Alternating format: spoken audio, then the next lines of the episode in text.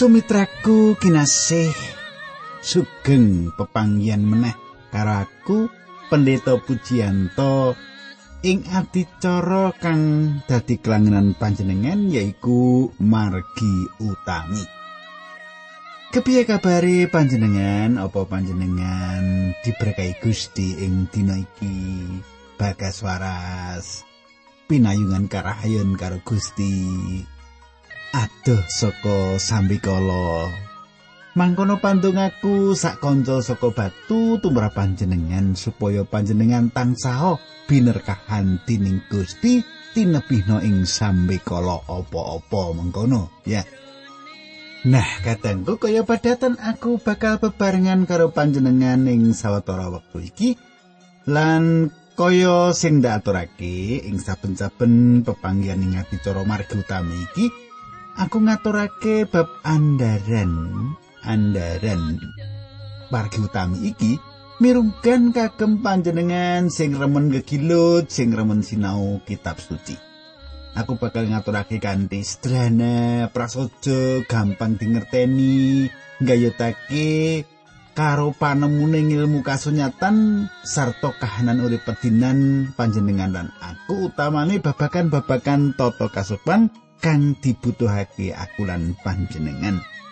Ayo nyerak aku kini sugeng midhangetake adicara iki.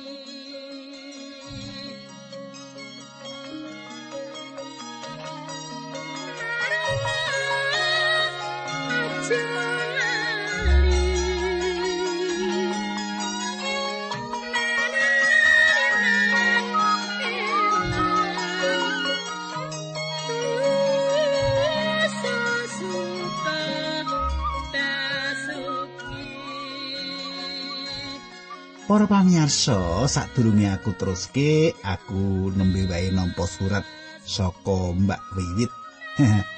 Mbak Wiwit. Inggih, kula sampun nampi serat panjenengan Mbak Wiwit lan kula sampun ndongaaken panjenengan nggih mugi-mugi panjenengan tabah ngadepi cobaan ing urip wong jenenge rumah tangga.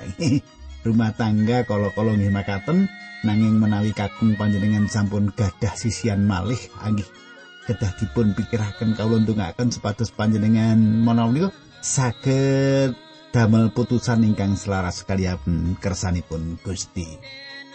Nah kadangku kita terusake adicara iki iki mau layang saka Mbak Wiwit. Andaran kepungkur atur sugoto bab Gusti Yesus kepareng maringi pasemon marang para murid.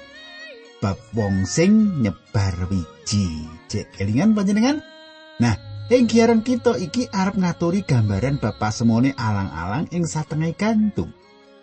Apa panjenengan uga wis tau mireng bapak semon margi utami bakal luwih njerokake luwih nyetakake makna sing wis panjenengan uningani.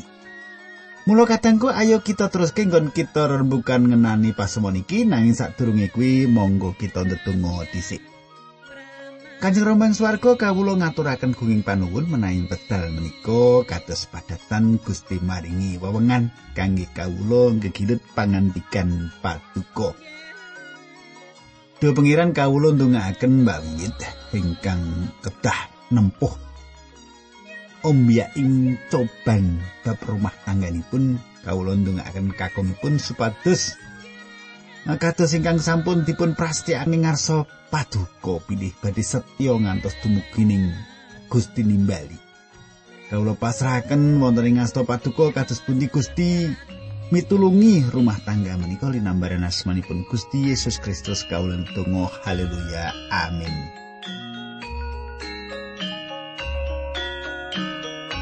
Para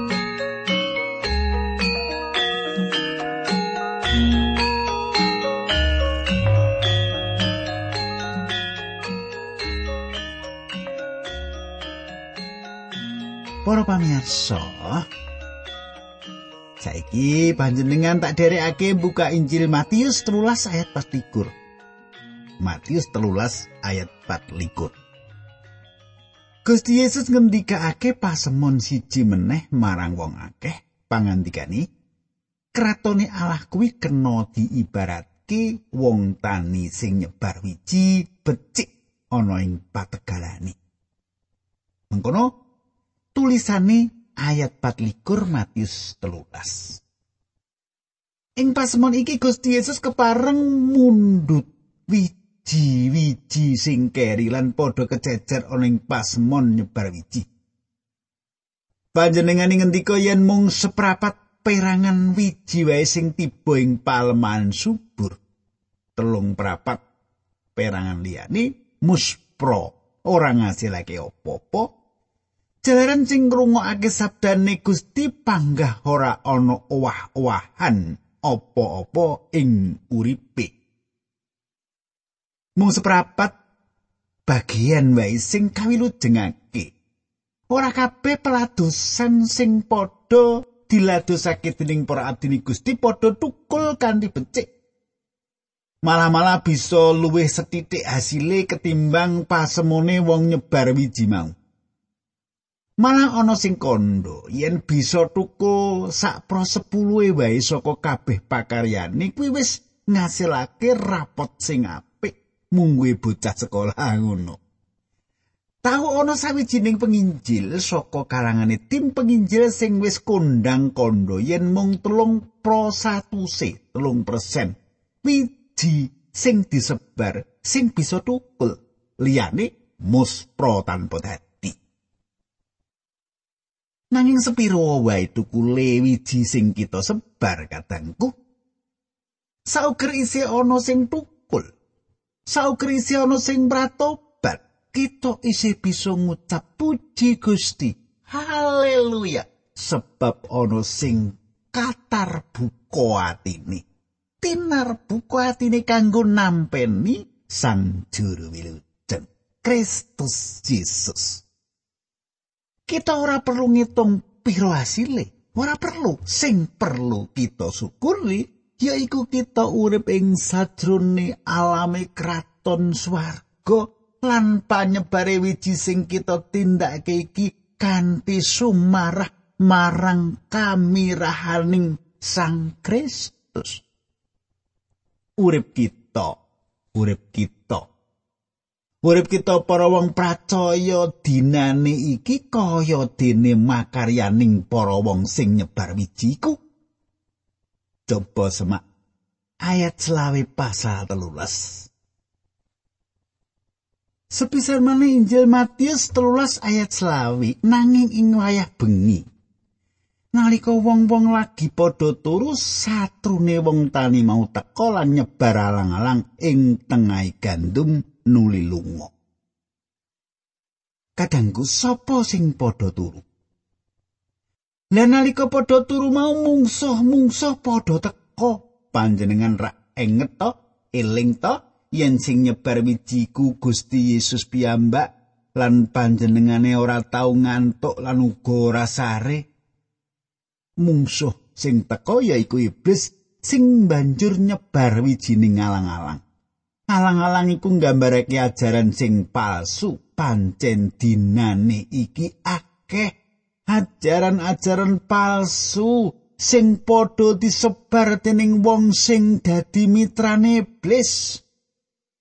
Ayat 6 bareng gandume tukul lan metu wulene alang-alangi ya banjur katon kadangku sajai gandum lan alang-alang iki tukule bareng bareng Dadi kanggo mbedakake endi sing gandum, endi sing alang-alang ora gampang, pancen aliran-aliran. Paham-paham palsu iku wiwitane api-api wae. Api nanging ing pungkasane padha katon blangi. Katon nasare. Katon anggone lelawanan karo Kristen sing sejati. Pancen saka wiwitane kaya-kaya Injile pangeran sing disebar nanging bakal katon bingungake suwe-suwe sangsaya cetha yen sing disebar mau dudu wijine gandum nanging wijine alang-alang sumitraku mung wong sing nyebar wiji sing ngerti sapa sing mestine tanggung jawab tukuli alang-alang mau coba panjenengan gatekke ayat pitulikur ngantek telung buluh bab telulas iki arta waca Para bure wong tani mau tumuli padha mara sarta matur kadosipun bapak rumiyin nyebar wiji gandum ingkang sae wonten ing tegel menika. Samenika kok kebak alang-alang. Wong tani mau banjur mangsuli kuwi penggawene satru. Para bure mau nuli matur menapa kersanipun bapak alang-alangipun kula jabuti kemawon. Wang surani wong tani mau, "Aja, sebab yen kowe nyabuti alang-alangi, uga gantunge katut kecabut. Ben Ben wae alang-alange tukul bareng karo gantume nganti wektune panen. Aku bakal ngandani sing padha drep. Alang-alange klumpukno dhisik nuli talenono lan obongen. Lagi sawise kuwi gantume enenono lan simpenen ing lumbungku. Kadangku ing sawijining gambaran sing cetha kanggo negesake kanggo nyethakake pasemon iki. Gusti Yesus ngendika, "Aja padha njabuti mbabuti alang-alang dhisik. Tokake wae ben padha tukul bareng. Yen wis padha wayah panen, mesti banjur dingerteni kanthi cetha ndi gandum lan ndi alang-alang." Mitraku, yen upama kita ditakoni dening wong-wong liya bab kahanan donya iki sangsaya rusak, apa sangsaya apik? Kepriye panemu kita? Donya iki sangsaya rusak, apa sangsaya apik? Kepriye panemu kita? Loro-lorone bener sebab senajan mung sawetara mung saprapate wiji sing tukul kanthi becik nanging bab iki kelakon kedadean sing pancen cetha yaiku telung prapate wiji ora nuwuhake apa-apa mbok menawa iki sing banjur ditukuli alang-alang mau pancen sak bagian donya dadi apik nanging luwih akeh sing dadi ora becik. Loro-lorone kanan iku ana babahan pasinaone kitab suci durung ana sing nandingi akeh kaya dene jaman iki. Puji syukur kagem Gusti sing paring dalan mau. Nganti-nganti akeh sing lilo legawa padha wani mati sak perlu nyebar wiji ing endi-endi papan ing jagat iki dadi wiji gandum wis padha tukul ing saindenge jagat iki. Nanging kita ora bisa merem marang kahanan donya iki. Donya uga tumuju marang karusakan. Ing pasemon iki mau dikandhakake yen gandum lan alang-alang tukul bareng. Kita ora bisa mbedakake. Lamun to kita njabuti alang-alang, mesti akeh tanduran gandum sing padha katut. sebab rupa lan wangune padha tur meneh tukule rapet siji lan sijine mula kanggo kita para wong pracaya ora susah babat gandum saiki kewajiban kita mung nyebar lan nyebar wiji gandum wae sebaren lan sebaren iki kang dadi tugas jejibahan kita ora bisa disilayen kahanan jagat iki ditukuli alang-alang lan uga ditukuli gandum. Yo iki sing diarani kraton ing swarga ing donya. Kahanan antara antarane wektu panolake Sang Kristus lan wektu rawe Sang Kristus ing jagat kagem ngedekake kraton swarga ing saklumaing bumi iki. Kahanan donya sing kaya jaman iki, iki dudu gambaran sing saknyatane. Sebab pasamuan sing bener yaiku pasamuan sing kadadekake saka para wong pracaya kanthi tulus marang Kristus lan ora beda-bedake denominasi aliran gereja siji lan sijine.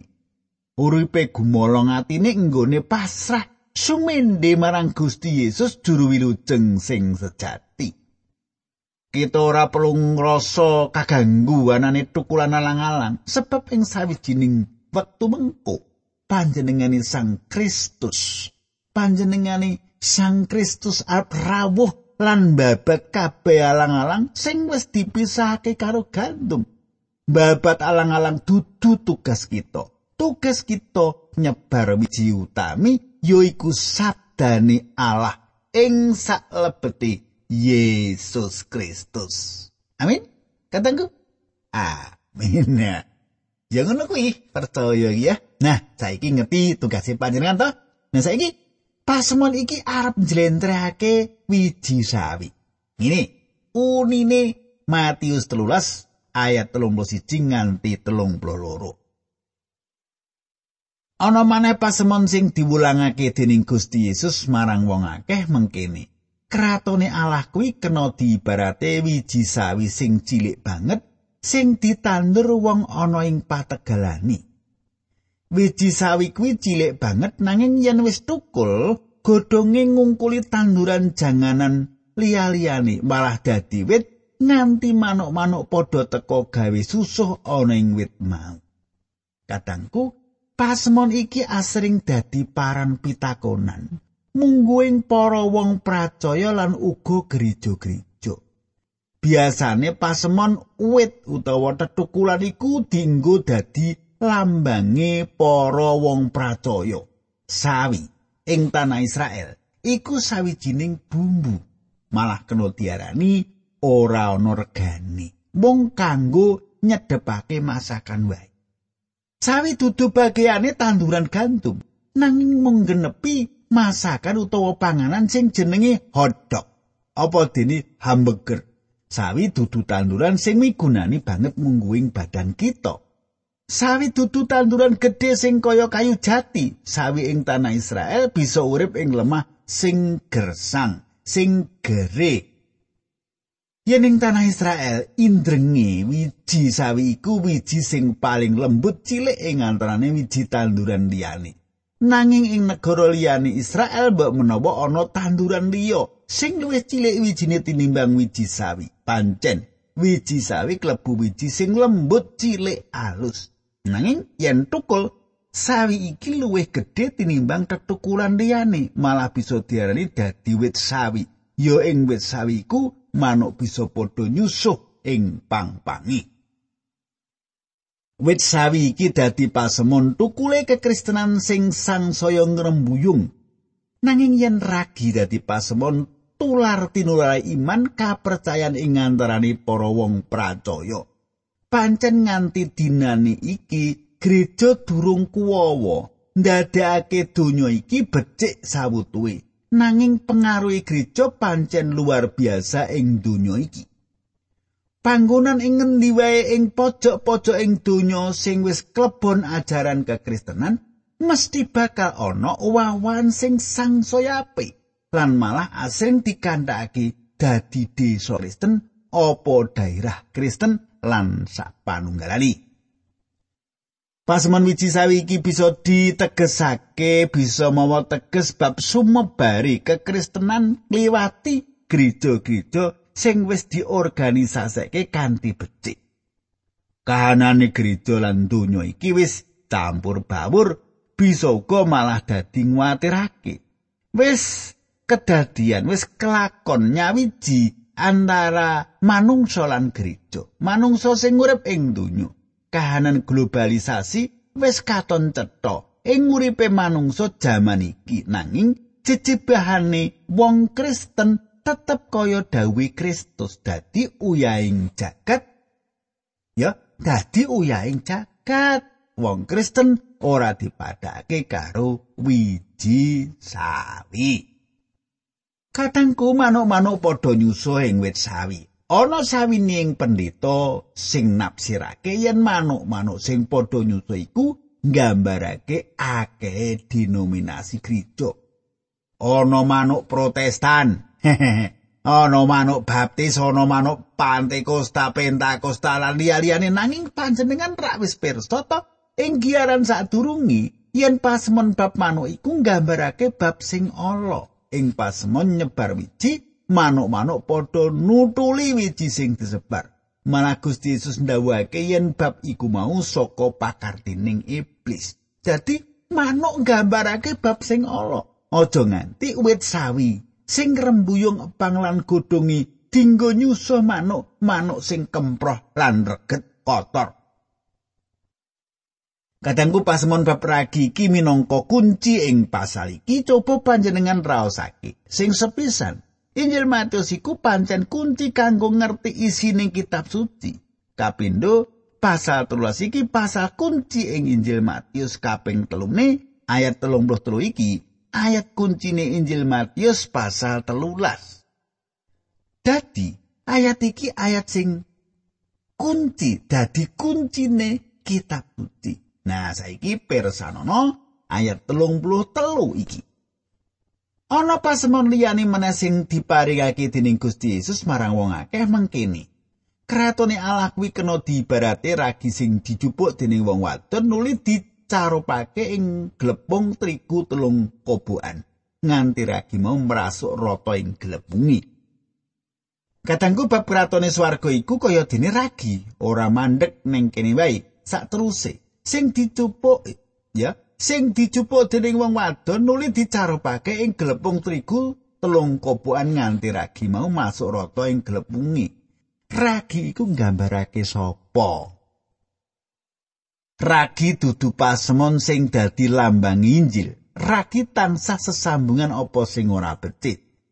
Kaping sangang puluh wolu tembung ragi ditulis ing kitab suci kaping pitung puluh lima ing perjanjian lawas lan kaping telulikur ing perjanjian anyar.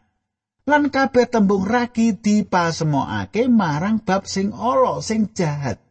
Duraka Profesor Lightfoot ngandhake yen tembung ragi uga digunakake para rabi kanggo critakake samubarang sing ala lan jahat. Ing perjanjian lawas uga ngandhake yen ragi ora dikeparengake kanggo atur pisungsung marang Allah. Ing perjanjian anyar Gusti Yesus uga ndawake supaya padha ngati-ati marang ragine para parisi lan saduki. Panjenengan iso semak Matius 16 ayat 6. Malah Rasul Paulus uga nyritakake bab ragine kadurakan lan katurjanan. Ing kitab suci kabeh pralambang ora ana sing cengkah. Dadi yen ngono ragi ora bisa dipadhakake karo Injil. Ragi ora bisa dadi lambang pasemon kanggo Injil sebab ragi lambangi kadurjanan lan kadurakan. Lambang tumrap kabeh sing ora becik. Tumrap kabeh sing ala. Injil digambarake kaya trigu telung kobokan. Kepriye kita bisa ngerti trigu digawe saka las gandum kaya dene wiji sing disebar. Pasemon iki nggambarake wektu antara wektu ing antarane panulak marang Kristus lan bakal rawi meneh Sang Kristus ing donya iki kagem ngedekake kratone swarga. Coba panjenengan gambarake. Sabdane Gusti iku kaya dene trigu sing dening wong wadon dicampur karo ragi wong wadon. Secara doktrinal ing kitab suci nggambarake bab kadurakan. Nyuwun pangapura katur para sedulur wadon, iki pralambang doktrinal. Wong wadon mau njupuk ragi lan banjur dicarupake diulet karo glepung trigu mau. Yen to ragi ana sing negesake Injil, mestine ragi mau ora dicarupake diulet Yen Injil sabdane Allah iku disebarake ora dicarupake. Injil disebar ing salemaing bumi. Wong wadon sing gawa ragi mau sing nyarupake ragine karo glepung trigu yaiku Injil sing sabdane Allah. Aliran nyasar ora ninggalake kitab suci senatan padha nyembah setan lan brahala, malah padha nggunakake kitab suci kanggo nular-nularake kapracayane. Guru-guru pasu padha nyarupake antarane Injil lan penyasar. kaya dene trigu sing dicarup-carup karo ragi. Ragi itu kadangku, ragi iku sawijining cat kanggo ngembangake glepung sing wis diadoni supaya rotine dadi gedhe nanging empuk lan rasane tambah dadi enak. Roti tanpa ana ragine rasane ora nikmat.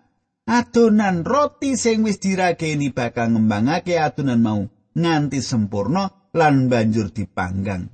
Upamane ragi mau ora watese kanggo mandek nggone ngembang mesti adunan roti bakal buyar tanpa dadi lan bakal yo ora enak dipangan ragi lambangi kadurakan lan kadursilan Katangku pasemon bab ragi iki nggambarake yen pengaruhe bakal bisa ndadekake wong-wong percaya padha walan ketriwa nuli murtad lan ilang saka pangayunane Sang Kristus juru wilujeng. Mula dawe Gusti ngini, Lukas 18 ngandelo panjenengan bakal inggal paring adil nanging menawa putrane menungso besok rawuh apa ing bumi kene isih ana wong sing duwe pangandel. Katengku Rasul Paulus uga ngilingake marang para muda supaya tetep ing kapiandelan marang Kristus malah ing wahyu uga dikandhake bab pamurtatan sing dialami dening pasaman ing Laodikia wahyu telu 15 wahyu telu ayat 15 nganti 19 tak wacake aku rada cepet ae wektune wis rada ora nyandak. aku ngerti saking penggawemu, aku ngerti yen kowe ora adem lan ora panas saiba becik saupama kowe adem utawa panas. Sarene kowe manget-manget ora adem ora panas, mulane kowe bakal ndak lepeh saka tutukku. Kowe muni, aku iki sugih lan kecukupan samubarang sarta ora kekurangan apa-apa. Nanging kowe ora ngerti yen kowe kuwi sejatine mlarat lan memelas. Kowe kuwi melarat kemudan lan wuta. Mulane kowe ndak pituturi kowe tuku emas murni saka aku supaya kowe dadi sugih. Ya tuku saka aku sandangan putih lan nggonen supaya wong ora padha weruh nggonmu kemudan lan ngisi-sini. Semono uga tuku tombo kanggo nambani mripatmu supaya bisa ndeleng. Wong-wong sing ndak tresnani kuwi sing ndak welehake lan ndak ajar. Mulane padha ditemen pangabektimu lan padha mrato bato ninggalo dosa-dosamu. Apa pikulae yen kita ora percaya marang panjenengan iki kadangku saiki Matius telulas patang loro lan patang telu. Wong mau kabeh bakal kacemplungake ana ing pawon sing murup ing kono bakal padha nandang panyirsa lan batin nanging wong sing padha nglakoni kersane Gusti Allah bakal padha mencorong kaya srenge ana ing kratone Allah. Mulane wong sing duwe kuping padha ngrungokno. Nah, semene dhisik katangku, ayo kita ndedonga.